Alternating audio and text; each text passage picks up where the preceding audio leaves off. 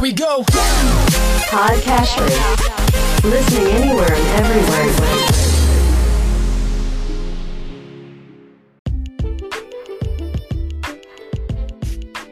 Welcome to Weekly Investment Podcast bersama saya Ferdian Syahputra dari Ispring Investment Indonesia untuk Prudential Indonesia. Pesatnya kemajuan teknologi dalam transaksi keuangan membuat halangan berinvestasi ke berbagai negara yang dahulu cukup sulit dilakukan menjadi semakin hilang.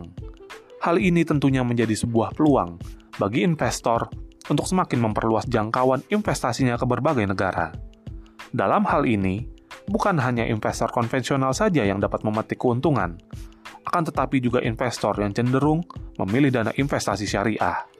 Dari keseluruhan dana investasi yang ada di Prudential Indonesia saat ini, dana investasi syariah yang berinvestasi ke saham-saham berbasis syariah di luar negeri juga turut serta dikembangkan.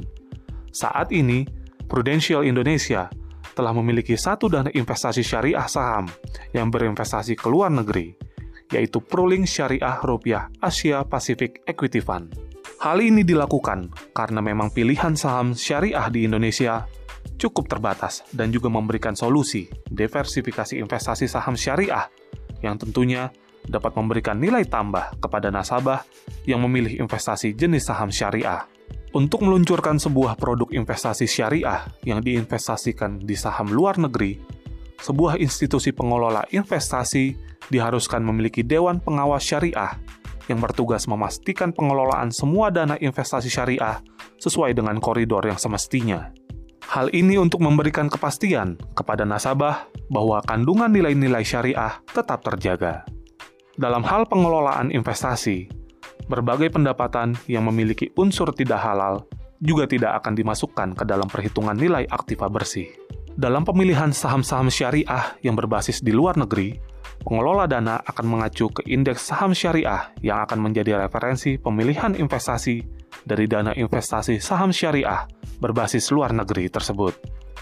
Indeks tersebut secara reguler akan diperbaharui untuk memasukkan emiten-emiten baru yang sudah masuk kriteria syariah, sekaligus mengeluarkan emiten-emiten yang tidak masuk kriteria syariah.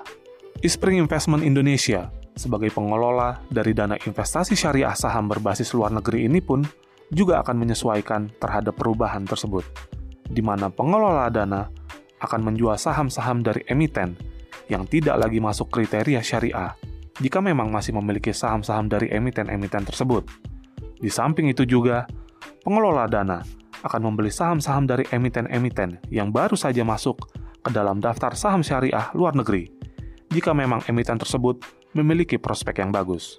Seperti kita ketahui, tidak semua emiten sesuai dengan kriteria syariah. Beberapa bidang usaha yang tidak termasuk dalam kriteria syariah antara lain yang terkait dengan minuman beralkohol, tembakau, produk yang berkaitan dengan babi, jasa keuangan konvensional, pertahanan atau persenjataan, dan hiburan. Dalam hal ini termasuk hotel, kasino atau perjudian, bioskop, pornografi, musik, dan lain-lain. Dengan adanya dana investasi saham syariah yang berbasis di luar negeri ini, semoga bisa dimanfaatkan secara luas bagi para investor yang memang cenderung memilih investasi yang berbasis syariah, dan tentunya juga dengan memperhatikan profil risiko masing-masing ketika memilih sebuah jenis dana investasi. Demikian Weekly Investment Podcast mengenai investasi syariah offshore. Semoga bermanfaat dan salam investasi.